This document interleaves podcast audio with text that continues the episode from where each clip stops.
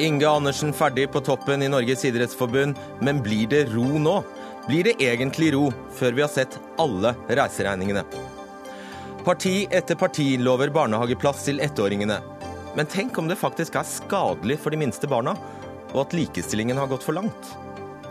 Arbeiderpartiet hang ut Erna Solberg i nettvideo om arbeidsledighet, men hvorfor stoppet Ap grafen rett før ledigheten begynte å falle?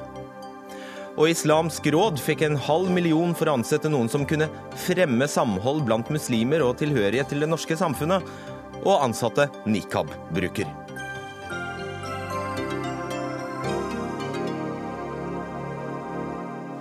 I denne Dagsnytt 18-sendingen med Fredrik Solvang får du også vite mer om problemene Shinzo Abe har som statsminister i Japan, som skyldes nasjonalistiske barnehager. I går kom beskjeden om at generalsekretær i Norges idrettsforbund Inge Andersen må gå av. Det besluttet styret i Norges idrettsforbund etter, de, etter, det de kaller en god prosess. NIF har det siste året måttet tåle kraftig kritikk fra flere hold, og blitt anklaget for mangel på åpenhet og nå skal omdømmet repareres og ny kurs stakes ut. Tom Tvedt, president i Norges idrettsforbund. Hvorfor var det viktig å bli kvitt generalsekretær Inge Andersen? Det har vært, eh, som du sier, et år som vi nå har lagt bak oss. her. Eh, men vi har gått inn i en prosess sammen med Inge Andersen, som har vært eh, i løpet av den siste måneden. Vi har ingen enkeltsaker, men det er en helhetsvurdering som styret har gjort. og Sånn sett så har vi gjort den beslutningen. og Det vi er opptatt av, det er utviklingen fremover i tid. Hva betyr det at det er en helhetsvurdering? Nei, Det sier seg jo selv at du som 13 år som generalsekretær, eh, som Inge Andersen har vært, eh, så er det en tøff jobb å stå i. Han har gjort en eh, god jobb for norsk idrett. Og det som styret gjorde etter sin vurdering, å være en ordentlig, ordentlig runde, det var den beslutningen vi trakk. Mm. Og sånn sett så skilles vi nå, går hver vår vei. Hva er oppsigelsesgrunnen? dette er jo igjen, som jeg sier, etter 13 år så, er det naturlig av styret, og det er en totalvurdering styret gjorde til slutt. Men det må jo være en oppsigelsesgrunn, for det kan ikke stå i denne oppsigelsen at uh, Inge Andersen har gjort en fremragende jobb i 13 år, men uh, nå har det gått 13 år, da må han ut. Det kan ikke stå det der. Det er ingen enkeltsaker som jeg kan si at det var grunnen. Men det er som jeg sier, etter 13 år så er det lang tid. Og da er vi blitt enige om å gå hver til vårt. Har han gjort noe galt? Nei. Har han eh, aldri gjort noe galt i løpet av 13 år? Det, det, er jo eh, I utgangspunktet så har han eh, gjort en god jobb. Nå har vi gått hver til vårt, men det er ikke gjort noe galt. Hvorfor får han ikke fortsette hvis han har gjort en så god jobb? Jeg tror at de fleste av oss, både du og meg, eh, vi blir vel bytta ut sånn med jevne mellomrom. Men fra styrets ståsted så var det viktig å ta eh, denne diskusjonen. Derfor har vi da brukt noe tid på det, og denne beslutningen er nå fatta. Og Hvor lenge har dere brukt på den prosessen? En måned, sier du? Nei, som sagt, eh, styret starta denne diskusjonen for en måned siden. Og vi er opptatt, som alle andre store bedrifter, å følge de lover og bestemmelser som er, og oppføre oss på en ordentlig måte måte. Vi har ca. 400 ansatte. og Det er noe med det arbeidsbestemmelsen som har. Det gjelder for alle arbeidstakere i Norges idrettsforbund. Vanlig oppsigelsestid? Ja, Inge har da seks måneder pluss en sluttavtale som han eh, framforhandla i 2004. Når ble det endelig besluttet at han måtte gå?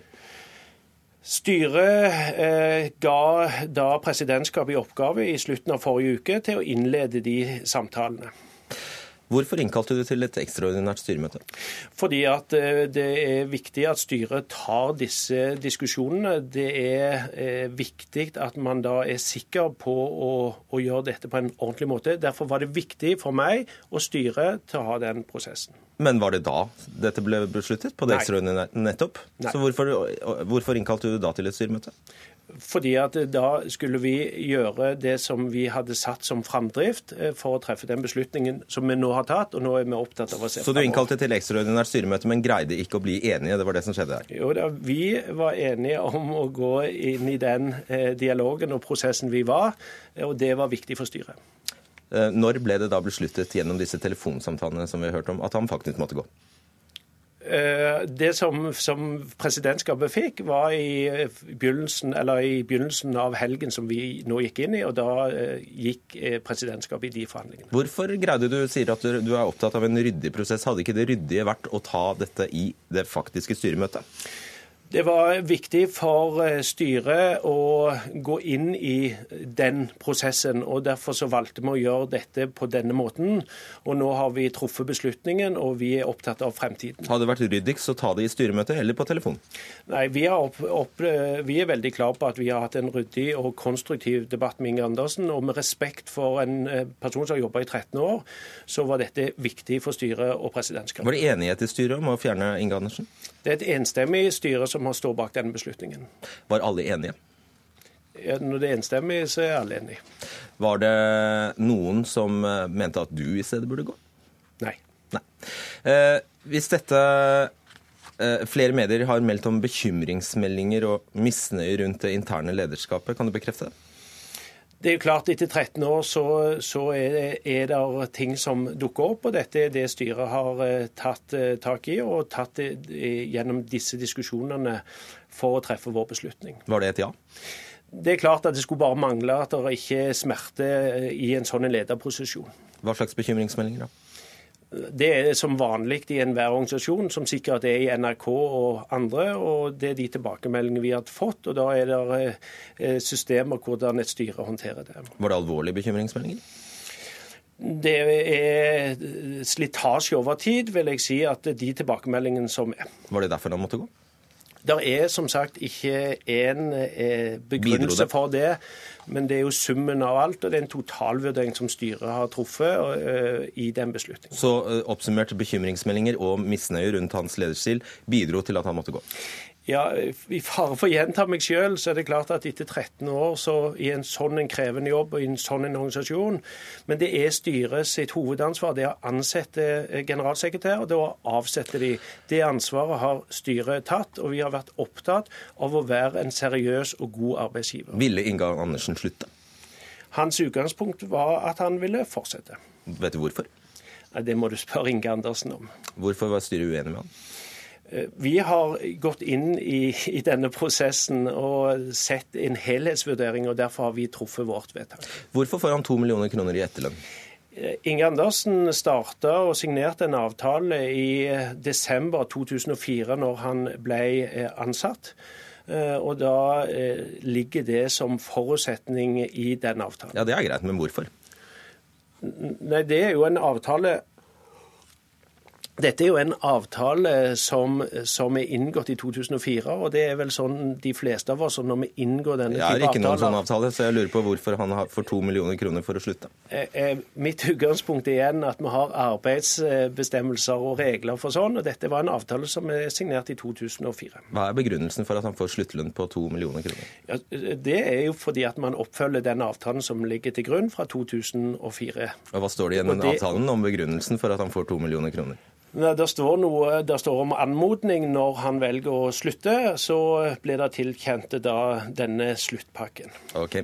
Det er jo nettopp pengebruk eh, Tom Tvedt, eh, dere har fått mye kritikk for, bl.a. i forbindelse med Sotsji-OL. Og nå staker dere ut en ny kurs. Da er det naturlig å snakke om åpenhet. Dere har blitt mye kritisert for nettopp mangel på åpenhet. Eh, hva tror du publikum syns om akkurat denne prosessen?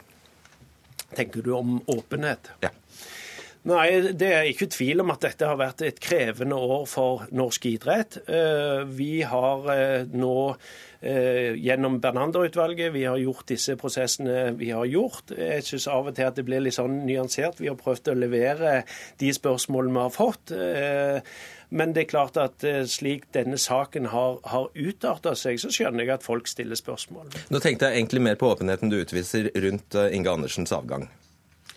Ja, jeg, jeg synes jo Føler du at du er åpen nå? Ja, jeg er helt eh, åpen, og jeg har ingenting å skjule. Jeg er opptatt som president for en stor organisasjon, så jeg er veldig opptatt av at vi opptrer eh, ryddig og ordentlig, sånn som vi gjør i norsk arbeidsliv. Hvis dere ikke har noe å skjule, hvorfor kan dere ikke da bare legge fram reiseregningene og bilagene fra 2011 til 2015? Igjen, vi venter i det spørsmålet der. Så har vi jo nå innført Bernander-utvalget. Vi går tilbake igjen, som du kjenner til. Når det gjelder ditt spørsmål nå Det så, utvalget har dere for øvrig satt ned selv og utstedt mandatet til? Det er helt korrekt. Og vi har fulgt det til punkt og prikke, pluss at vi har gått tilbake til tid. I motsetning eh, prinsipielt i forhold til tilbakevirkende kraft. Det er idrettstinget som for 2011, 12, 13 og 14 de godkjente regnskapene sine i Trondheim, og det er det prinsippet styret har valgt i. Så er det viktig for meg å si det at vi har eh, bokettersyn. Kemneren kommer med denne rapporten eh, snart. Og det er viktig for dette styret. Nå har vi vært to år i styret. Det er viktig å nå evaluere oss sjøl og se tilbake igjen på den tiden. Vi har hatt eh, store saker om doping, vi har hatt en åpenhetsdebatt, og vi har avsatt vår generalsekretær. Og når Inge Andersen er ute av dansen, så er det jo bare å vise fram. Dette er, Vi er et kollega i et styre, eh, og i, jeg tror det nå er 13-14 timer siden. Eh, og Da er jeg opptatt av at vi skal ha ryddige prosesser på dette eh, i forhold til mange spørsmål. Skjønner du at dette for mange rimer veldig dårlig med å stake ut en ny kurs og vise mer åpenhet? Jeg tror For eh, de fleste så tror jeg at det er rimelig at eh, når en sånn situasjon har oppstått, at eh, vår generalsekretær har gått av, så tror jeg at folk forstår at styret som kollegium må snakke sammen. Og det å gjøre dette på, i, i kollegium, det er særdeles viktig. Og det tror jeg folk flest er, er enig med Tror du folk flest forventer at dere til syvende og sist legger fram disse reiseregningene og bilagene? Jeg tror at folk er opptatt av at at vi skal opptre ryddig og anstendig, og det har vært mitt mål, og det er styret sitt mål. Det kan du svare på, faktisk. Tror du at folk flest forventer at dere til syvende og sist legger fram disse reiseregningene og bilagene? Ja, eh, ut ifra det som jeg hører, så, så, er det det som er utgangspunktet. Men, men vi leverer igjen Har du tenkt å gjøre det? Eh, jeg tror vi skal ha respekt for at eh, mitt kollegium og styret skal få den tiden å diskutere det på. Hva syns du om at kulturministeren fortsatt vil kreve mer åpenhet fra deg? Ja, Når det gjelder eh, det innspillet, så har vi fått vårt tildelingsbrev, og det har vi fulgt opp. Og vi har i alle år levert våre regnskaper og det som Kulturdepartementet har bedt om. Eh, og så eh, registrerer jeg at hun ba om mer. Og igjen, vi skal nå ta denne diskusjonen internt. Og med andre ord så betyr jo det, det betyr jo at det blir ikke ro? Nei, det betyr, ja, det betyr igjen at eh, hun uh, har sitt syn. Idrettsstyret uh, har fortsatt sitt vedtak. Og da blir det ikke ro? Nei, ro kommer det vel aldri til å bli rundt norsk idrett. Det Sånn har det vært i mange år. Det som jeg er opptatt av, det er at de prosessene vi gjør, er ordentlig for Norges idrettsbevegelse. Har norsk idrett fått et urettferdig dårlig omdømme etter dette her? Det er en, en, en, et svar som jeg vil si nei til. Dette må vi håndtere som organisasjon, og det er jeg beredt til å gjøre. Det er selvforskyldt, sier du? Ja, I utgangspunktet så er det sånn at det å skylde på andre det er aldri et godt svar. Eh, min jobb når jeg tiltrådte med mitt styre, var jo å utvikle norsk idrett. Eh, vi har brukt mye tid det siste året på andre ting. Og vi ønsker igjen å nå stake kursen framover. Og det skjønner jeg, men når du, når du evner å, å, se at det som antagelig skal til her, er rett og slett å vise fram disse reiseregningene, da burde du kanskje gjøre det. Ja, Du sier du, jeg leder et kollegium, og det er et styre som gjør det. Når det gjelder disse bilagene, så har jeg sagt hvem som godkjente det. Og så er det naturlig at vi som styre gjør disse evalueringene, og det tror jeg at man eh, har respekt for. Hvor lenge ser du for deg at du blir sittende som idrettspresident? Jeg er idrettspresident til 2019. Ålreit. Tusen takk skal du ha, Tom Tvedt. Dagsnytt 18 alle hverdager kl 18.00 på NRK P2 og NRK2.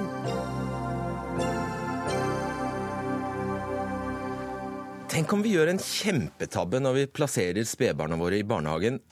At vi tar vekk noe av det viktigste for barns utvikling, nemlig båndet mellom mor og barn. Tenk om det ideelle er at mor og barn er hjemme sammen på fulltid det første året, og at barnet faktisk tar skade av å være, være hele dager i store barnehager før de er tre år. Ja, Tenk om det vi nå driver med, er likestillingskamp på bekostning av småbarnas behov. Toril Skar, psykolog og mangeårig SV-er. Hvorfor er det mor som bør være lenger hjemme med de minste barna? Og som du sier, det ideelle er at hun er hjemme med barnet det første året. Ja, Mor og far har jo en forskjellig rolle i forhold til det å føde barn. Barnet har vokst opp i mors kropp, og i løpet av det første året så ammer mor. Eh, Verdens helseorganisasjon anbefaler at hun skal fullamme i seks måneder og delvis amme opp til et år. Og den nærheten mellom mor og barn har forskerne lagt stadig større vekt på. At de snakker til og med om at det er en diade hvor mor stimulerer barnet, og barnet stimulerer mor. Og barnets hjerne vokser lynkjapt de første årene. Mors hjerne endrer seg også. Og at det derfor er veldig viktig at i løpet av de to første årene så er mors omsorg ikke nødvendigvis 24 timer, men at, at, barnet opplever at mors omsorg er trygg og forutsigbar og støttende. Er dette anerkjent uh, forskning du viser til? Altså den, eh, den, det er veldig mye forskning, og jeg er ikke spesialist, men den som jeg har eh, lyttet til mest nylig, det er en neuropsykolog som heter Alan Shore, og som har eh, samlet veldig mye psykiatrisk og psykologisk og hjerne, hjernemessig forskning. Og han var her i Norge og holdt kurs, og han kommer igjen 29.9., slik at alle der kan være med og diskutere forskningen hans. Martin Henriksen, du har ledet Arbeiderpartiets familieutvalg. Det er jo aldeles ikke usannsynlig at uh, forskningen her ikke har alle svar. Så det vi driver med nå, kan være et eksperiment. Vel, det er jo for det første veldig sannsynlig at forskninga ikke har alle svar. Sånn er det jo med stort sett uh, all forskning. men uh, den forskninga vi har bl.a. på barnehage, viser jo at det er trygt å sende barna sine i barnehage. Foreldrene trenger ikke ha dårlig samvittighet for å sende ettåringen sin i barnehage. Det er jo den ganske omfattende forskninga vi har i Norge som viser det. Uh, og det er heller ikke sånn at uh, far ikke er en viktig omsorgsperson for barnet i det første leveåret eller senere. Jeg syns jo det er litt trist at uh, måtte velge stadig å, å trekke fram selvvalgt forskning for å nærmest underbygge at far ikke er en like viktig omsorgsperson som mor.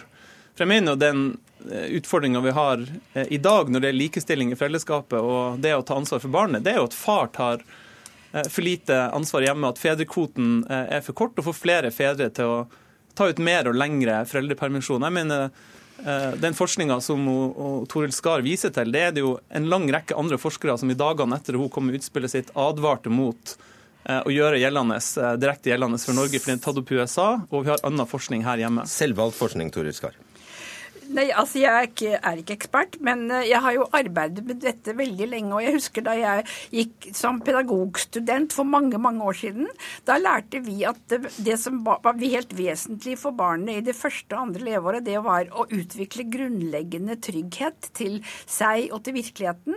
Og da var kontakten med de primære omsorgspersonene, først og fremst mor, men også far, helt vesentlig. Ok, La oss, la oss gå litt videre. Altså, du sier til eh, Vårt Land at tilbudene til småbarna bør være mindre og mer intime steder enn barnehagene. Hva betyr det? Mener du da at de minste barna bør holdes helt borte fra barnehagen det første leveåret? Er det, er det så tydelig du er? Altså, det, det skal ikke være altfor kategorisk. Det er veldig forskjell på både barn og foreldre og barnehager. Men det som er vesentlig, det er at i de første to årene så skal barnet utvikle nær tilknytning til først til mor og så til far. Mor er viktigst i første leveår, far i annet leveår. Og så utvider sirkelen seg. Men sirkelen må ikke utvides for raskt og med for mange fremmede mennesker. Da får du ikke den optimale utviklingen av barnets egen kapasitet aktivitet og barnets hjerne. Henriksen. Det vi vet fra forskning, bl.a. Eh, fra Folkehelseinstituttet i Norge, som har eh, fulgt 130 000 norske barn gjennom eh, en ganske lang periode, det er jo at norske barnehager er gode og de er trygge. Og jeg syns vi skal være ganske forsiktige med å spre usikkerhet om barn eh, i barnehagen har det godt, om det er en ettåring eller, eller eldre. For norske foreldre kan med god samvittighet sende ettåringen sin ja, i barnehage. Greit, men det vi snakker om er vel strengt tatt om de kunne hatt det enda bedre eller optimalt? De kunne ha det enda bedre, og det er derfor eh, bl.a. vi er i Arbeiderpartiet opptatt av å få en bemanningsnorm, og at halvparten av de ansatte de i barnehagen skal være barnehagelærere. Det vi vet er at jo, men det forskninga sier, er ikke at barna har det bedre av å være hjemme eller bedre å være barnehage. Det Bl.a. Folkehelseinstituttet sier at det er ikke stor forskjell på det eh, og at man trygt kan sende barna sine i barnehage. Det avgjørende er at det er nok kvalifiserte voksne i barnehagen. Eh, og norske barnehager vil jeg si er blant de beste i verden. Eh, Men kan selvfølgelig bli enda bedre. Yes. Det motargumenterer jeg ikke. Skar, du vet jo veldig godt at eh, dine gamle partifeller i SV setter eh, kaffen i halsen når de hører deg si dette her. Du har jo Det har vært en lang kamp for barnehager og, og likestilling her, her i landet. Skal Ja. det ene nå gå på bekostning av det andre? Altså, Jeg har, har kjempet for, for barnehager, jeg, men ikke fra ettårsalderen. Men jeg oppfattet at barn skulle begynne i barnehage i to-treårsalderen. Og det som jeg syns er helt vesentlig, det er at man tar utgangspunkt i barnets behov og spør hva er til beste for barnet. Og da er det en veldig nær kontakt med de primære omsorgspersonene. Ja, det er greit, Men hvem ser du for deg skal være hjemme hvis du sier at barnet ikke bør være fulltid i barnehagen før det er tre år? Hvem tror du kommer til å være hjemme da? Altså, jeg synes Det er veldig viktig at mor er hjemme de første ett til to årene, slik at hun er en, en forutsigbar og trygg kontakt. Og at far er mye hjemme, dels første år, men særlig i annet år. Og jeg synes det er veldig vesentlig i denne diskusjonen at man snakker om barn på ulike alderstrinn. Jeg synes Man har så lett for å si generelt at barnehage er bra eller ikke bra, men det er veldig forskjell på en ettåring og en toåring og en treåring og en fireåring. Og det er veldig forskjell fra det ene barnet til det andre. Du får ikke i pose og sekk, Henriksen. Det er likestilling eller eh, barnets beste. Vel, Den forskninga vi har, sier at barnehage for fra ett år er eh, godt og det er trygt. Og Det synes jeg er viktig å ha med seg, at vi ikke skaper usikkerhet om det. Og For det andre synes jeg det jo Toril Skar argumenterer for, egentlig mest av alt høres ut som et tilbakeskritt. For det første er signalet om at far ikke er en like viktig omsorgsperson for barnet, også før barnet har fylt eh, ett år. Eh, og jeg tror det signalet som da går ut til unge fedre i dag, om at de ikke da er en like viktig omsorgsperson, det syns jeg er veldig uheldig. For vi vet at unge fedre, moderne fedre, vil ta del i livet til barnet sitt på en helt annen måte enn det deres fedre eller besteforeldre eh, gjorde. Jeg har slåss for fedrepermisjon hele mitt liv, Ja. og jeg mener at både mor og far er like viktige, men de er forskjellige. Og likestilling er ikke å behandle forskjellige mennesker likt. Likestilling er å behandle dem ut fra deres egenart og deres behov. Og derfor så har mor og far likeverdige, men forskjellige roller i forhold til barnet i første og annet leveår. Men da må jeg bare spørre deg, Hvis du da mener at, av, at barna har best av uh, at en av foreldrene er eh, delvis hjemme inntil tre år, hvordan skal du sikre at det, hvis du er så opptatt av, uh, av mennene, hvordan skal du sikre at det blir delt uh, likt? Altså, Jeg tror at mye må overlates til foreldrenes eget skjønn. Og det som er grunnleggende her, det er at de har kunnskap om barnet. Og et av de tingene som bekymrer meg, det er at vi gir mennesker i vårt samfunn så lite kunnskap om barn, så de kan vurdere selv hvordan de vil gjøre det, ikke gjøre det. Og så etterlyser jeg et smidig arbeidsliv. Jeg mener, jeg har opplevd f.eks. at det på en arbeidsplass er et rom hvor du kan ha barnet ditt, og du kan komme og være litt på jobb og litt ta seg av barnet. Men da må du respektere den rollen som foreldre har. Til slutt, eh, Martin Henriksen, når Toril Skar taler, da bør jo venstresida bare rett og slett lytte. Ja, alle bør lytte når Toril Skar snakker. Men eh, jeg mener at altså, hun skal ha ros og takk for å ha stått på barrikadene i likestillingskampen i Norge. Men jeg mener jo at denne saken viser at også våre egne helter kan ta feil av og til. Jeg tror konsekvensen av det og Toril Skar sier, vil ha påvirkning på arbeidslivet, vil ha påvirkning på likestillinga og på familiene, og i retning som jeg helst ikke ønsker, nemlig at eh, likestillinga ikke blir bedre. For vi vet at det da er mor som vil være lengre hjemme med barnet hvis man f.eks. da skulle nedvurdere betydninga barnehagen har også i de tidlige årene. Hvorfor respekterer vi ikke det som skjer hjemme mer? Jeg føler at det her ligger en nedvurdering av omsorgsarbeidet som er ganske alvorlig. Og vi må da heller forandre arbeidslivet, slik at det er bedre for både mor og far å kunne ta seg av barn og ha omsorg på en måte som ikke er så stressende. Takk for debatten, dere. Toril Skar og Martin Henriksen.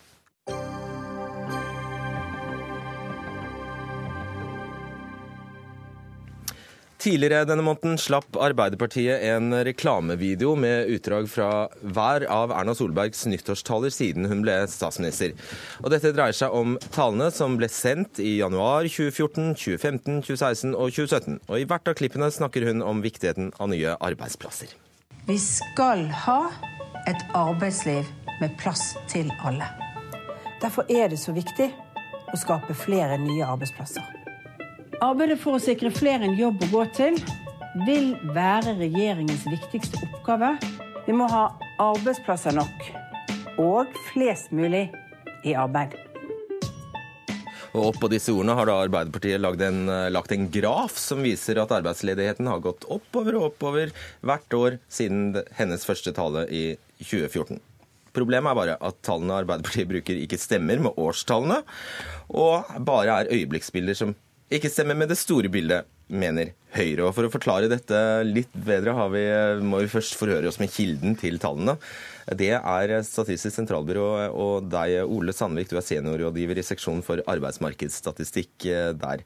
Eh, det er såkalte AKU-tall, altså arbeidskraftundersøkelsestall, vi snakker om her. Får du inntrykk av når du ser denne videoen at disse tallene beskriver det de vil fram til? Kanskje litt dumt, dumt spørsmål. La meg ta det om igjen. Bruker Arbeiderpartiet disse tallene riktig? Eh, hvis vi ser bort fra årstallene som står under, så er det jo en eh, helt grei beskrivelse. En helt grei beskrivelse av, av historien på arbeidsmarkedet. Og noe som jeg syns er veldig bra, er at de faktisk tar med både ledighet og sysselsetting i samme graf. Hvorfor dem? Fordi det har vært veldig mye diskusjon rundt dette med ledighetsnivå. Hva er det rette ledighetsnivå? AKU kan ikke være rett. Eh, registrert ledig kan ikke være rett. Noen mener at eh, det skal være enda høyere. Ja, og den, den, ja. Istedenfor å gå inn på den diskusjonen, så har de, etter min oppfatning, da, gjort det veldig bra med å ta, legge inn både sysselsettingsnivå og ledighet i samme graf. Ja, jeg vet ikke om det er mulig å se her, men det er altså den mørkeblå linja her er da altså eh, sysselsetting, og den går altså nedover, mens arbeidsledigheten går oppover. Men du sier dette, dette med årstallene er jo helt vesentlig. Hva er det de har gjort feil der? Ja, det, er, eh, det første jeg reagerte på når jeg fikk henvendelsen, var jo at eh, det står tall for 2017. Eh, og det var litt spennende. Og det ser ut som tall for 2017 er de samme som altså representerer samme tidspunkt som for de andre årene. Så jeg starta først med å se på om dette kunne være våre tall, ved å gå inn på årsgjennomsnitt eller de For du visste ikke at du hadde publisert tall for 2017? Eh, jeg visste at jeg på det tidspunktet hadde publisert tall for desember, hvor også januar inngår. Eh, så vi har toucha 2017. Men når vi fant ut av hvilke tall som er benyttet, så er de siste tallene som er benyttet, er det vi kaller novembertall, som er et snitt av oktober til og med desember. Aha, så, så dette tallet her, det er egentlig et novembertall og ikke et 2017-tall? Ja, men det samme gjelder da for de, de tre andre årgangene. Eh, slik at det er tall for november året før. Så hadde de nå bare flytta denne grafen litt til venstre på X-aksen, så hadde alt vært veldig bra. Siste, siste, sak. Var dette de sist tilgjengelige tallene da eh, denne videoen ble lagd? Og det er, vi snakker 9. mars i år. Det var det ikke. Da fantes altså også desembertall, som jo inneholdt januartallene. Men på den annen side så er det slik at de har benyttet eh, sesongjustert serie. Og når vi lager sesongjustert serie, så blir hele serien oppdatert for hver publisering, og de største endringene er på de siste tallene. Så sånn sett kan man på en måte argumentere faglig for at man er forsiktig med å bruke de aller siste tallene i en slik serie. Men hadde de likevel brukt det siste tilgjengelige tallet, så hadde denne grafen ikke sett ut som den bare gikk oppover og oppover. Hva hadde skjedd da? Nei, da hadde ledigheten gått noe ned. Aha. Og etter det så har vi jo publisert enda, mer, eh, enda nyere tall, og ledigheten synes å fortsatt gå ned. Du må lage en ny nettvideo da, kanskje, Audun Otterstad, stortingsrepresentant i Arbeiderpartiet? Du, Det syns jeg er en eh, kjempegod idé. Som viser at eh, ja, ledigheten den stiger ikke bare? Altså, Det er veldig gledelig at det ser ut som ledigheten har gått noe ned. Hva er grunnen til at dere velger å stanse denne grafen rett før ledigheten begynner å gå ned? Det er to grunner til det at Arbeiderpartiet har brukt de tallene der. For det første så er 2017, 2016, 2015 og 2014 det er 1. januar, og det er når statsministeren holder sin nyttårstale. Eh, og vi brukte, Da vi begynte å jobbe med denne videoen tidlig i februar, så, brukte vi de tilgjengelige tallene som lå som var mest oppdatert. Og Det er da det tallene som er eh, novembertall. Så Det er rett og slett grunnen til det. Og Du ser jo i tallgrafen der at arbeidsledigheten er rekordhøy, og at andelen som er, som er i jobb, går stadig ned. Det er jo for så vidt en fair forklaring, det, Stefan Heggelund, stortingsrepresentant for Høyre? Nei, det er det ikke. Dette, nå har vi nettopp uh, hørt en dobbeltavsløring. Det ene vi har hørt, er at uh, de ikke har brukt de siste tallene som var tilgjengelig. Det er det ene, for de kunne brukt desembertallene, slik SSB her nå sa. Da ville de også sett en nedgang i ledigheten, Hvor om enn noe svakere. Da ville den stått på 4,4. Nå er den januartallene 4,2. Eh, I motsetning til 4,7, ærlig talt. Det er en del tusen mennesker. Det er ikke bare desimaler vi snakker om. Dette er faktisk en del tusen mennesker. Og man skulle jo tro, man skulle jo tro at Arbeiderpartiet, Norges største parti, med et rådgiverkorps som kan fylle en hel kinosal, kan ha kontroll på disse tallene. Men dette er en bevisst villedning, for de ønsker ikke å fortelle historien om at norsk økonomi er i vekst, og at ledigheten nå er på vei ned. Så det er helt bevisst fra Arbeiderpartiet. Det her var jo imponerende avslørt. Eh, la meg bare starte med det. Og da vi starta med å lage denne videoen, så brukte vi de først tilgjengelige tallene. Eh, og vi har brukt de samme tallene tilbake hvert eneste år, så de er helt sammenlignbare for samme måned. Men det er jo typisk Høyre å henge seg opp i prosenter og promille, for de vil ikke diskutere politikk. De vil ikke diskutere at de store pengene har gått til skattekutt Nei, vent nå. Dere blir tatt med buksene nede av SSB. De sier dere har brukt tallene feil. Det kan dere i det minste innrømme. Hvis vi, eh, hvis vi skulle ha gjort en endring, det vi har gjort, for vi er opptatt av at det her skal være Dere har satt feil årstall på feil tall, sa SSB. Årstallene som vi har brukt, de symboliserer nyttårstalen til Erna Solberg, som er, som, første, som er, første, som er eh, første i første 2014, 2015, 2016. Men det viktige her er hvilke tall er det Erna Solberg velger ordene sine ut ifra. Og det er de samme arbeidsledighetstallene. Og når Erna Solberg sier at arbeidsmarkedspolitikken til Høyre virker kraftfullt, og så er det over 120 000 som er ledige på okay. samme tidspunkt, da tror jeg de enkeltmenneskene som går uten jobb, er litt uenige med Erna. Hyggelig. Hva var ledigheten Audun Otterstad i januar 2017? I januar 2017 Hva var ledigheten i januar 2017?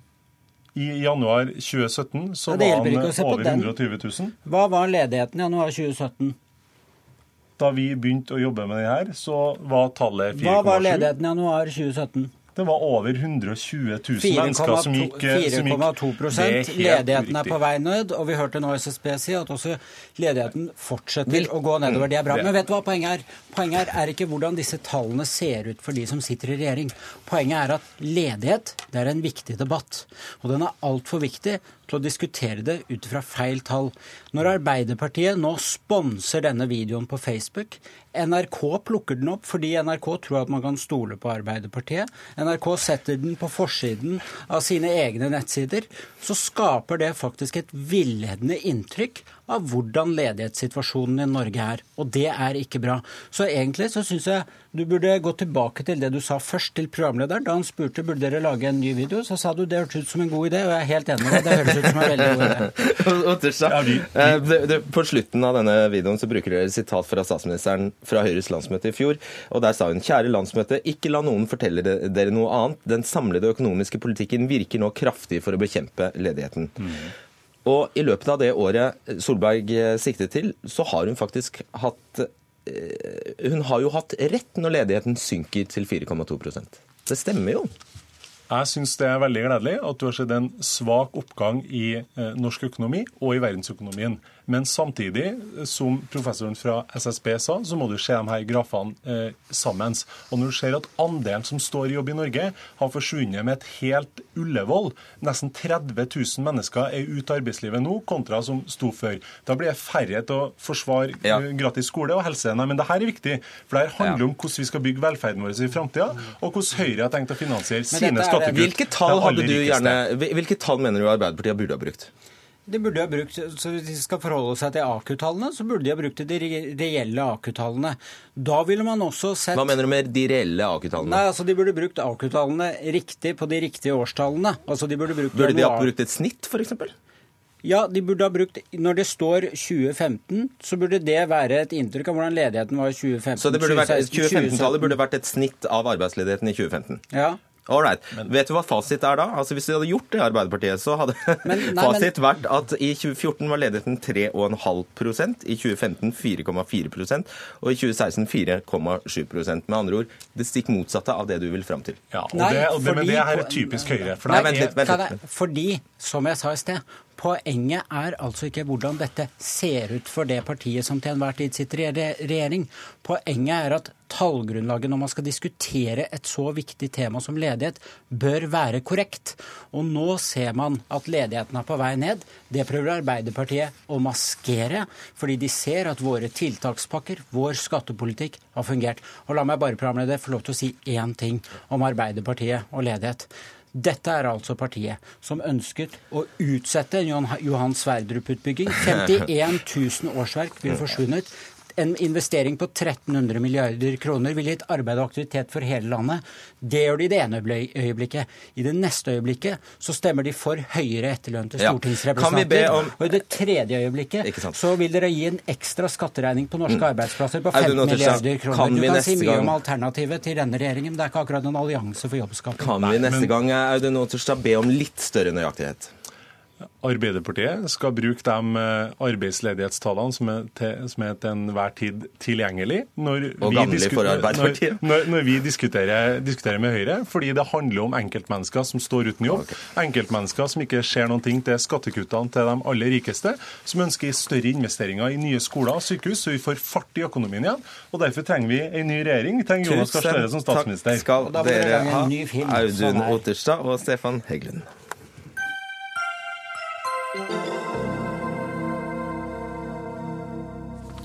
Islamsk Råd Norge har ansatt Leila Hasic i en stilling der hun ifølge stillingsbeskrivelsen skal jobbe med sitat, kommunikasjonsrådgivning, søknadsskrivning og IT-drift. Kulturdepartementet bevilget nesten en halv million kroner ekstra til rådet for at de skulle ansette noen som skal være med og sitat, fremme samhold blant muslimer og tilhørighet til det norske samfunnet. slutt. Og det skal Hasic gjøre, iført nikab, som altså er et tøystykke som dekker både hode og ansikt, og hvor bare en smal åpning rundt øynene gjør det mulig å se ut. Meta Bafsar, generalsekretær i Islamsk råd. Hvorfor var Leila Hasic den beste til denne stillingen? Vi har hatt en ansettelsesprosess som har vart i et halvt år. Eh, vi fikk eh, flere kandidater som søkte på den stillingen. Vi plukket ut, vi nedsatte en ansettelseskomité. Plukket ut seks beste kandidater fra de som søkte. Eh, hadde førstegangsintervju med alle de. Blant de seks så var det også eh, noen fra andre tro- og livssynssamfunn. En artist, en kristen bl.a. Vi hadde ikke fokus på å ansette Hvorfor var hun best? Hmm? Hvorfor var hun best? Fordi hun var den best blant de eh, som eh, også gikk gjennom nåløyet gjennom annengangsintervju. Fordi hun, hadde, hun, var best kvalifisert. Hun eh, har de kvalifikasjonene som Hun er lojal og ærlig, selvstendig, god gjennomføringsevne. Alt det dere ramser opp her. Og høyskoleutdanning. Høyskoleutdanning og, og samarbeidsevne. Og evne til å kunne utføre den jobben som en kontormedarbeider skal gjøre. Så det som har kommet ut i media, la meg bare presisere det, Fredrik. Det har kommet helt feil ut at hun er det nye ansiktet utad til Islamsk Råd Norge. Jeg tror det er der den ja, For hun skal stues inn på et kontor, sier du? Altså, hun skal jobbe på kontoret som kontormedarbeider. Skal aldri vises? Altså, all den eh, kontakten utad, eh, talspersoner for IRN, det er ikke det som er hennes rolle. Det Nei, men Skal hun aldri vises? Om hun skal aldri vises. Nei, Siden du sier at eh, siden du vil irettegå denne Du går i rette med den forestillingen om at hun skal være ansikt utad, sier du det stemmer, stemmer, ikke? Det er ikke hennes arbeidsoppgave å være, representere islam som Norge utad. Skal hun vises, spør jeg da. Vises på hvilken måte? For offentligheten. Ja, altså Hun er jo en, en, en fri kvinne. Hun ferdes ut ja, i det offentlige rom. Av, det skjønner jeg òg, men på vegne av Islamsk Råd? Altså På vegne av Islamsk Råd Norge så har ikke hun det eh, blant sine arbeidsoppgaver. Så hun er en administrasjonskonsulent og skal da jobbe på kontoret, slik at hun kan bistå resten av administrasjonen. Men Det står jo her at hun skal utvikle systemer for intern og ekstern kommunikasjon. Ja, nettopp. F.eks. svare medlemmer tidsnok, svare på e-poster, eh, svare da eh, innkomne samtaler Det er jo bl.a. det som man også kaller for intern og ekstern kommunikasjon. Men det betyr jo ikke at hun er IRNs ansikt utad, slik media har på en måte Nei, da har vi oppklart det. Ja. Er denne stillingen finansiert med offentlige midler? Denne stillingen er også finansiert med offentlige midler, ja. Men som sagt så er ikke det slik at eh, da vi fikk eh, det tildelingsbrevet, så sto det ingenting om at eh, forresten, kvinner som går med religiøse plagg skal ikke ansettes. Fordi igjen, vi har lover og regler i landet. Vi kommer til det, ja. det skjønner jeg. Men i 2016 fikk dere altså 484 000 kroner i økt driftstilskudd mm. for nettopp av Kulturdepartementet for nettopp å ansette en person som skulle være med å fremme samhold mellom muslimer og tilhørighet til det norske samfunnet. Mm. Er det Leila Hasic med nikab? Altså, Vi har mange i Islam som Norge som driver med dialogarbeid ja, og, og brobyggingsarbeid. Hun vil gjennom sin jobb føre til, føre til, at det vil bli utløst mer tid for oss alle andre og kapasitet til å kunne utføre den jobben som departementet Nei, du fikk penger for å ansette en som skal fremme samhold mellom muslimer og tilhørighet til det norske samfunnet. Det er det du har fått penger, fått penger for. Og da spør jeg, er det en nikab-kledd kvinne? Altså, igjen, vi har lagt vekt på kvalifikasjoner. Og det er det hun da er ansett etter. Og så er det veldig viktig å påpeke én ting. og det er det at Fordi vi har alltid fått kritikk for at vi da ikke er overalt og vi ikke er tilgjengelige. Vi, også fordi vi må jobbe kontorarbeid, svare på e-poster. Dette var f.eks. en del av mine oppgaver. Og det gikk på bekostning av andre aktiviteter utad. Nå har vi en administrasjonskonsulent som kan ta hånd om de interne rutinene, være på kontoret og holde kontoret operativt. Det er ikke administrasjonskonsulent du har fått penger til, skjønner du. Det er det som er poenget. Du har jo fått penger til en person som skal fremme samhold samhold mellom muslimer og tilhørighet til det norske samfunnet. Ikke en sekretær. Jo, men altså, Vi har gjennom flere år i eh, samtaler med Kulturdepartementet sagt at vi trenger å styrke sekretariatet. Ja, men det er ikke det du har fått penger til. Jo, men La meg nå fullføre ja. nå, Fredrik. Vi har gjennom flere år spurt Kulturdepartementet om å få midler der vi kan styrke sekretariatet, dvs. Si kontoret. Vi trenger kontormedarbeider, slik at vi er bedre utrustet til å kunne utføre oppgavene ute i samfunnet. Brobyggingsarbeid, dialogpartner, delta på arrangementer, seminarer, holde innlegg, foredrag osv. osv. Det som det har vært behov for, det har vært å styrke sekretariatet, slik at kontoret er operativt på dagtid når jeg og andre kollegaer er ute i samfunnet og driver med dialogarbeid. Jeg skjønner. Så hun skal sitte på kontoret, ikke vises, drive eh, sekretærarbeid mens du er der ute. Hennes oppgaver er å være kontormedarbeider, yes. og det er det hun skal jobbe med. Andreas Halse, skribent og SV-politiker. Hvorfor kan ikke en kvinne som bærer nikab, drive brobygging? Jeg mener at eh, Islamsk råd tror jeg skjønner veldig godt hvilke signaler de sender ut med den ansettelsen som de har gjort nå. Jeg er veldig bekymra for det økende muslimhatet som vi ser i mange vestlige land, og de økte spenningene som er både internt blant muslimer og mellom muslimer og ikke-muslimer. Det her er et eh, skritt bort fra brobygging og bort, bort, fra dialog, hvor man tar et aktivt skritt for å fjerne seg fra resten av samfunnet. Det du skal jo bare sitte på et kontor og drive sekretæroppgaver for Meta Bafsar.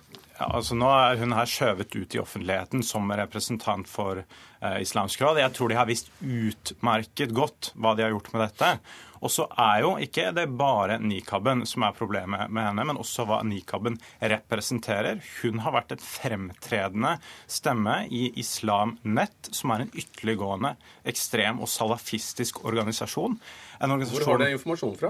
Det er helt åpent på nett. Man kan ja, bl.a. okay. se at hun har skrevet innlegg på Islam Nett sine sider og vært aktiv i kvinnenettverket til Islam Nett. Du visste ikke det, dette? Og det at Islamsk råd velger å gå i den retningen, det er, det er for meg et tegn på at de vil bort fra brobyggingsarbeidet.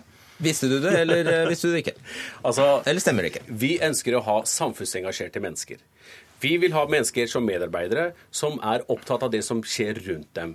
Om folk skriver blogger og okay. oppdaterer Facebook i, i, Ja, det er greit, Men visste du denne, om denne tilknytningen til Islamnett? Det har ikke vært noe tilknytning mellom henne og Islamnett. Okay, det, det, kan jeg avkrefte med en gang. En annen ting. Saken er det at på hvilken måte er dette ikke brobyggingsarbeid. Når vi får styrket sekretariatet og vi har større kapasitet til å kunne utføre de oppgavene Vi har, flere, vi har f.eks. dialogkomité, vi har f.eks. dialogpartnere forskjellige steder i landet som er aktive der. Og igjen, mener du at vi skal diskriminere mennesker i arbeidslivet, måten de går kledd på? Dette handler ikke om diskriminering. Dette handler om at dere har en brobyggerrolle i offentligheten som dere velger å ikke ta. Og det er ikke bare denne ansettelsen her du er ikke, nei, Nå må du la meg fullføre, for det er ikke bare denne ansettelsen her som er problemet. Dere er også problemet. Islamsk råd tar aktive skritt bort fra å bygge broer. Nå vurderer det bosniske eh, moskeen å melde seg ut. Du har tidligere også, Islamsk råd, har fått, eh, fått skryt av lederen fra, for Islamsk nett. Du har hatt tvilsomme uttalelser når det kommer til fremmedkrigere i Norge og sammenlignet det med førstegangstjeneste.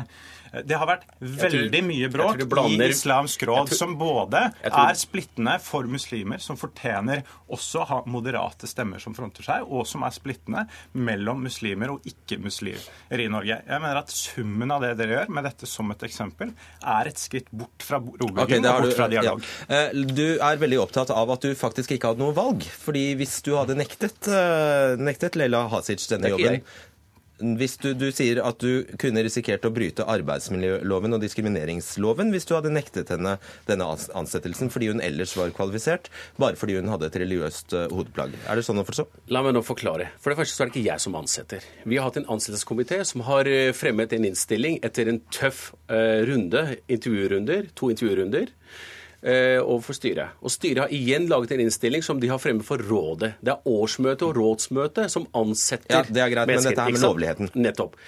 Og jeg er veldig bekymret for de signalene som min sidemann kommer Nei, med. ta dette med lovligheten. Ja, Hva er det du mener med det? Lovligheten. Altså, skal man da bryte arbeidsmiljøloven og diskriminere en person fordi hun er den best kvalifiserte, så skal vi si fordi du har en politisk, eh, religiøs og eh, filosofisk ståsted som da vi mener Hvordan vet du at det hadde vært brudd med arbeidsmiljøloven? Altså diskriminerende fordi hun går med nikab. Det er det eneste eksempelet som, som, Ja, hvordan vet du det at det ville vært det? eh, Ville ikke det ha vært det? Det vet du jo ikke, for dette er jo aldri prøvd. Nei, men nettopp derfor så kan ikke vi si at vi diskriminerer en person bort fordi hun går med nikab eller hijab. Jo, men det vet man ikke, fordi det er aldri prøvd for en rett. Så du Nettopp. kan ha i loven selvfølgelig vi- vi drive lovlig forskjellsbehandling Fredrik, hvis det er saklig, Fredrik. nødvendig og ikke uforholdsmessig. Fredrik, vi kan ikke drive med forskjellsbehandling. Vi kan ikke drive med diskriminering av gode, kvalifiserte kandidater.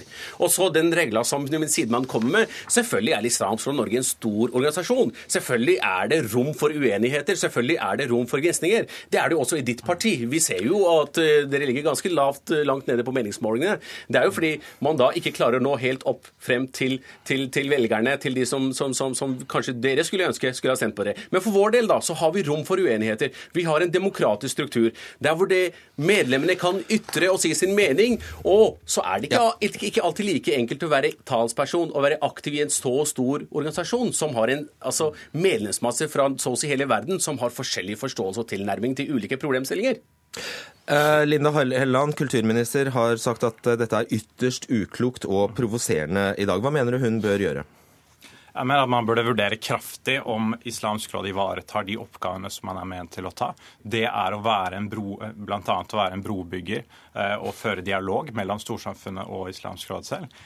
Jeg mener at Dette er et skritt vekk fra brobygging og vekk fra dialog, hvor man ønsker å ta avstand fra storsamfunnet. Dette er en liten administrasjon. Så har man én ekstra stilling, så er øremerka for å føre mer dialog og bidra til brobygging. Så velger man en person som har sterke tilknytninger. da skal du bestemme hvilket hodeplagg det vedkommende ansatte skal ha. Jeg skal ikke bestemme noen ting. Islamsk råd ansetter hvem de vil, men de, jeg mener at de per nå går et skritt bort fra å utføre de oppgavene de er ment å utføre, som handler om dialog og brobygging. Dette er en person Hijab, hadde det vært greit? Jeg skal ikke legge meg opp i hodeplaget til de som blir ansatt. det hatt- er jo akkurat hadde... det du gjør. Nei, fordi her mener jeg at nikaben også representerer noe mer enn hodeplagget. Okay, det representerer en salafistisk eh, salafistisk retning innenfor islam som er knytta opp til Islam Nett i Norge, som bl.a. ønsker å innføre sharialover. Det mener jeg ikke er et tegn på dialog, og det er ikke, og det er altså. ikke noe Og det som mener, du en moderate hijab, det mener du en bruker av hijab ikke kunne stått for? Det kan godt hende at man potensielt sett kunne stått på det, men hijaben er ikke på samme måte per definisjon et tegn på ytterliggående islam altså, i Norge. På samme ikke- måte som nikaben er. jeg, jeg tror ikke du har nok kunnskap om islam. Og igjen, ja, så er det slik at det er faktisk et mangfold blant våre medlemmer.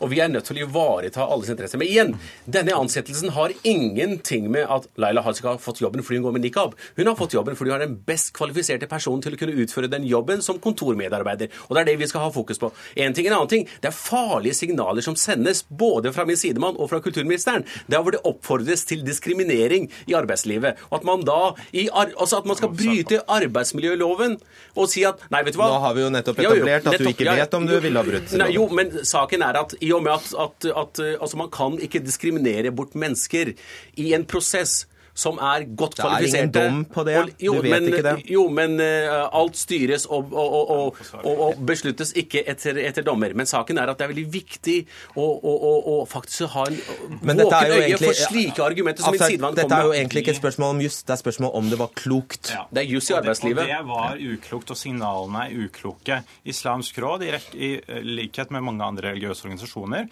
får støtte av fellesskapet. Det er et fellesskap dere nå tar skritt bort fra og sier at dere ikke. ønsker å, ønsker å være en del av. Og da er det et stort spørsmål for meg hvorfor det samme fellesskapet skal fortsette å betale for deres drift. Da, og husk at IRN har eksistert lenge før vi fikk de midlene. Så midler skal på en måte ikke være trussel for at IRNs eksistens eh, står på spill. En, ting, en, annen ting, en, en annen ting. Du kjenner ikke til vårt arbeid. Jeg inviterer deg til et møte på vårt kontor, så skal jeg fortelle deg hvordan vi driver med dialogarbeid. Og så vil du se hvordan dialogarbeid blant tro- og livssynssamfunn, som IRN driver, og med resten av samfunnet. Siste spørsmål til deg, Meta. Afsar. når dere først for dere har fått kritikk selvfølgelig for at dere ikke har hatt kvinnelige styremedlemmer i, i, IRN mm. når dere først da ansetter en kvinne, så sier du at hun skal sitte backoffice, hun skal være sekretær for deg. Hva slags signal er det? Det kunne like gjerne vært en mann som fikk den jobben. Ja, men Det er nå engang en kvinne. Ja. Så jeg spør, hva slags signal er det? Vi har også valgt en, en, en, en kvinnelig styremedlem. Ja, men På- på Nå skal du ha en kvinnelig siden. sekretær Ja, men- med nikab. Så... Jo, men hør nå her, Fredrik. Vi har også valgt styre, altså en styremedlem som er, som er kvinne, for to dager siden. Og hun går med hijab. Kanskje det også er kanskje litt for mye å svelge for sidemannen min etter hvert. Men saken er at om en mann hadde fått jobben som administrasjonskonsulent, så hadde ikke arbeidsoppgavene vært annerledes. Det er arbeidsoppgavene målt opp mot kvalifikasjoner som har vært hovedessensen i den an- ansettelsesprosessen. Ja, dette er et skritt bort fra samfunnet. Dere har fått midler til å drive dialog. Dere sender et bevisst signal om at dere vil gå i en mer ytterliggående retning. Det er uklokt. Det er den type argumentasjon som fører til at det blir avstand og hat mellom folk. Og jeg vil fraråde det jeg, vil- jeg, jeg, vil fra, fører i avstand. jeg, jeg vil fraråde politikere og min sidemann til å faktisk tenke annerledes og gå bort fra den type f altså fremmede og, og, og avstandsskapende retorikk. Jeg håper at Takk. han Nå må må du gå av for du skal i Dagsrevyen. Takk skal du ha, Andreas Halse og Meta Bafsa. Hør Dagsnytt 18 når du vil. Radio NRK Radio.nrk.no.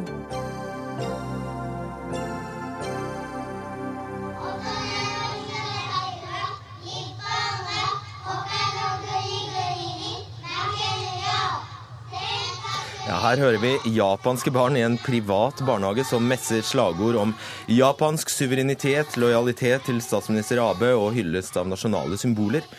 I disse barnehagene har barna en læreplan som er basert på prinsipper fra 1890-tallets Japan. Eh, prinsipper de færreste vil tilkjennegi seg til i, i dag. Nå har eh, barnehagene ført statsminister Shinzo, nei, Abe Shinzo, ja, ja, Shinzo Abe inn i en skandale som har gjort at eh, oppslutningen om han har stupt fra om lag 60 til 36% Benedikte Mosby Irgens, du er førstelektor i Japansk ved institutt for fremmedspråk ved Universitetet i Bergen. Hva er bakgrunnen for at eh, disse tallene ser så katastrofale ut for AB? Eh, Ja, Bakgrunnen for det er jo nettopp som du sier, denne eh, hendelsen eh, i forbindelse med denne barnehagen da Morito Mogakuen, som ligger i Osaka-området, der det viser seg at de har en pedagogikk som er fullstendig uten, fjern fra det som er vanlige japanske barnehager, som er altså da en form for indoktrinering og en slags ultranasjonalistisk eh, sånn verdisystem som da presses ned i, i, i hodene på disse barna. Eh, og så er det da at det viser seg at det antageligvis er noen både politiske og økonomiske bindinger som går helt opp til statsministerens kontor. Her er det mye som ikke er klart ennå, men det påstås da at det har vært statseide områder som er blitt solgt, det er donert penger, det er bilder av statsministeren og hans kone inne i lokalene osv. Eh, og dermed så eh, er det noen koblinger her som, som, som er kontroversielle. Og så er det da at statsministeren benekter enhver sammenheng med dette. Han har ingenting med dette å gjøre i det hele tatt, fordi han skjønner at dette neppe vil være noe som befolkningen er særlig glad for. Og så kom, oppstår det da en mistillit til statsministeren, fordi at folk lurer på om det er sant. Altså at han, om han lyger. lyger altså det, ikke, ja. ikke sant, det... Mark eh, Teiven, du er professor ved, i japanstudier ved Universitetet i Oslo. Eh, Shinzo Abe har altså eh, tatt mål av seg til å bli Japans lengstsittende statsminister. Eh, vil han greie det nå? Ja, hans, jeg, jeg, tror ikke han blir avsatt, avsatt pga. denne saken foreløpig. Men uh, men det, det, er jo, det, er snakk om eh, at han kanskje kan gå for en tredje, en tredje periode eh, fra 2018, og det, det stilles nå litt spørsmål ved. Ja. Så er jo Japan og japanerne et svært konservativt eh, folk og nasjon på veldig mange måter. Så hvorfor reageres det så kraftig på dette? Ja, um, det som er med denne saken, er at, at den um, det er egentlig en liten fillesak. Det er et lite, et lite, en liten skandale med noe penger osv. som man er godt vant til. Men det, det, som, det, som, gjør denne saken så pikant, det er at eh, den, den, treff, den er så perfekt symbolsk for alt det en økende liksom, opposisjon syns er gærent eller tvilsomt ved AB. Og det er særlig hans forbindelser med sånne ultranasjonale ultranasjonalistiske grupper. Um, som, ja, som, som og, og, nå, ja, etter hvert så begynner dette å øke på og øke på. og så det, det, uh, det korresponderer godt med liksom den, også den seriøse politikken han har bedrevet i det siste med um, uh, Han prøver å endre grunnloven, han har sendt soldater til Sør-Sudan. Eh, han har benyttet seg av førkrigssymboler og helligdommer osv. aktivt osv. Så, videre. så det begynner å øke litt på, da. Og så har vi den eh, klassiske eh, ja, hva skal man kalle det, Mosby Irgens? Altså den, det klassiske skremmebildet, i hvert fall, av Kina som en militær trussel mot Japan, og koreanerne som mindreverdige. Ja, Eh, og det, Dette handler jo i stor grad kanskje om, om sånne understrømmer i samfunnet. Det, det jo, altså, Japanske kommentarfelt er like fullt av så, såkalt hate speech som det du finner i, i vår del av verden. Eh, anonyme kommentarer som, som, viser at det er en underst rasistisk understrøm som, beveger, som, finnes i samfunnet, eh, og som kanskje da liksom eh, spilles en del på av disse, av disse, politikerne. Så det er bare en annen form for høyrepopulisme, dette her? Det er et godt spørsmål. Eh, på en måte tenker jeg at ja, det er det. På den annen side kan man spørre seg om det er snakk om populisme. Det, om, det spørs jo hvordan du definerer det, selvfølgelig. For vi må jo huske på at eh, det er jo nettopp disse ultrakonservative kreftene som har sittet ved makten hele veien i Japan. Så det handler ikke om et, om et sånt totalt liberalt samfunn der befolkningen begynner å reagere mot den politiske korrektheten osv., så sånn som vi kjenner det fra våre samfunn. Der er jo lite politisk korrekthet i Japan, så det er ikke noe sånt å reagere mot. Så om det er populisme, er kanskje et definisjonsspørsmål. Ja, altså Hvis det er inngrodd og nedgrodd, så er det nesten enda verre, Teiven. Ikke sant. Ja, ja altså det, det, er i hvert fall ikke noe opprør mot eliten. Jeg tror det er like mye et uttrykk for politisk apati i Japan, som, som er forståelig hvis du ser at altså, det partiet til AB har jo tre ganger så mange stemmer og seter i representanthuset som neste parti. Så, så, de gjør som de vil, og, og det er ingen troverdig opposisjon som, kan, som, som, man kan bytte AB ut med. Så, så ja, egentlig man skulle tro at hvis det er sånne ideologiske kamper som pågår, med skandaler og penger og, og konvolutter osv., at det da blir en slags sånn uh, engasjement ut av det. Men det gjør egentlig ikke det. Altså det er um, Ja, det går et sukk gjennom Japan, og så går man videre med å prøve å redde firmaet sitt. ja, okay. ja, det er godt ut. Irgens, er, de eh, proteksjonist, er, er, dette en isolasjonistisk bevegelse, denne Nihon Kaigi eller Nippon Kaigi? Du nevner Nippon Kaigia, som jo er en, en, eh, organisasjon som er litt enigmatisk, som man ikke har visst så mye om før de senere år. Det er en del journalister, både japanske og utenlandske journalister, som har prøvd å finne ut hva dette dreier seg om. Vi kan kanskje sammenligne litt med sånn Tea Party-bevegelsen i USA på en viss forstand, men det er jo ultrakonservativt. Består av medlem, det er medlemmer i mange eh, deler av befolkningen, helt oppe på høyt politisk nivå. Eh, verdikonservativt. Poenget her er jo liksom da å, å, å promotere den japanske selvfølelsen. at man skal liksom få selvtilliten tilbake osv. Um, og, og, og, og, og tilbake til en sånn sterkt paternalistisk kultur. gjerne. Det er mange sånne konservative verdier som ligger i dette her. Uh, som også da er altså, ultranasjonalistisk, sånn som vi ville se, se på det med, for vårt del. Helt... Så det er litt skummelt, for det, det er mange folk i denne, denne organisasjonen. Ja, og helt til slutt, Teiven. Er det en reaksjon på normoppløsning, eller hva er det? Uh, på en slags ja, en, en, liten, en, liten, gruppe på høyresiden som tror at det, finner, at det er en normoppløsning.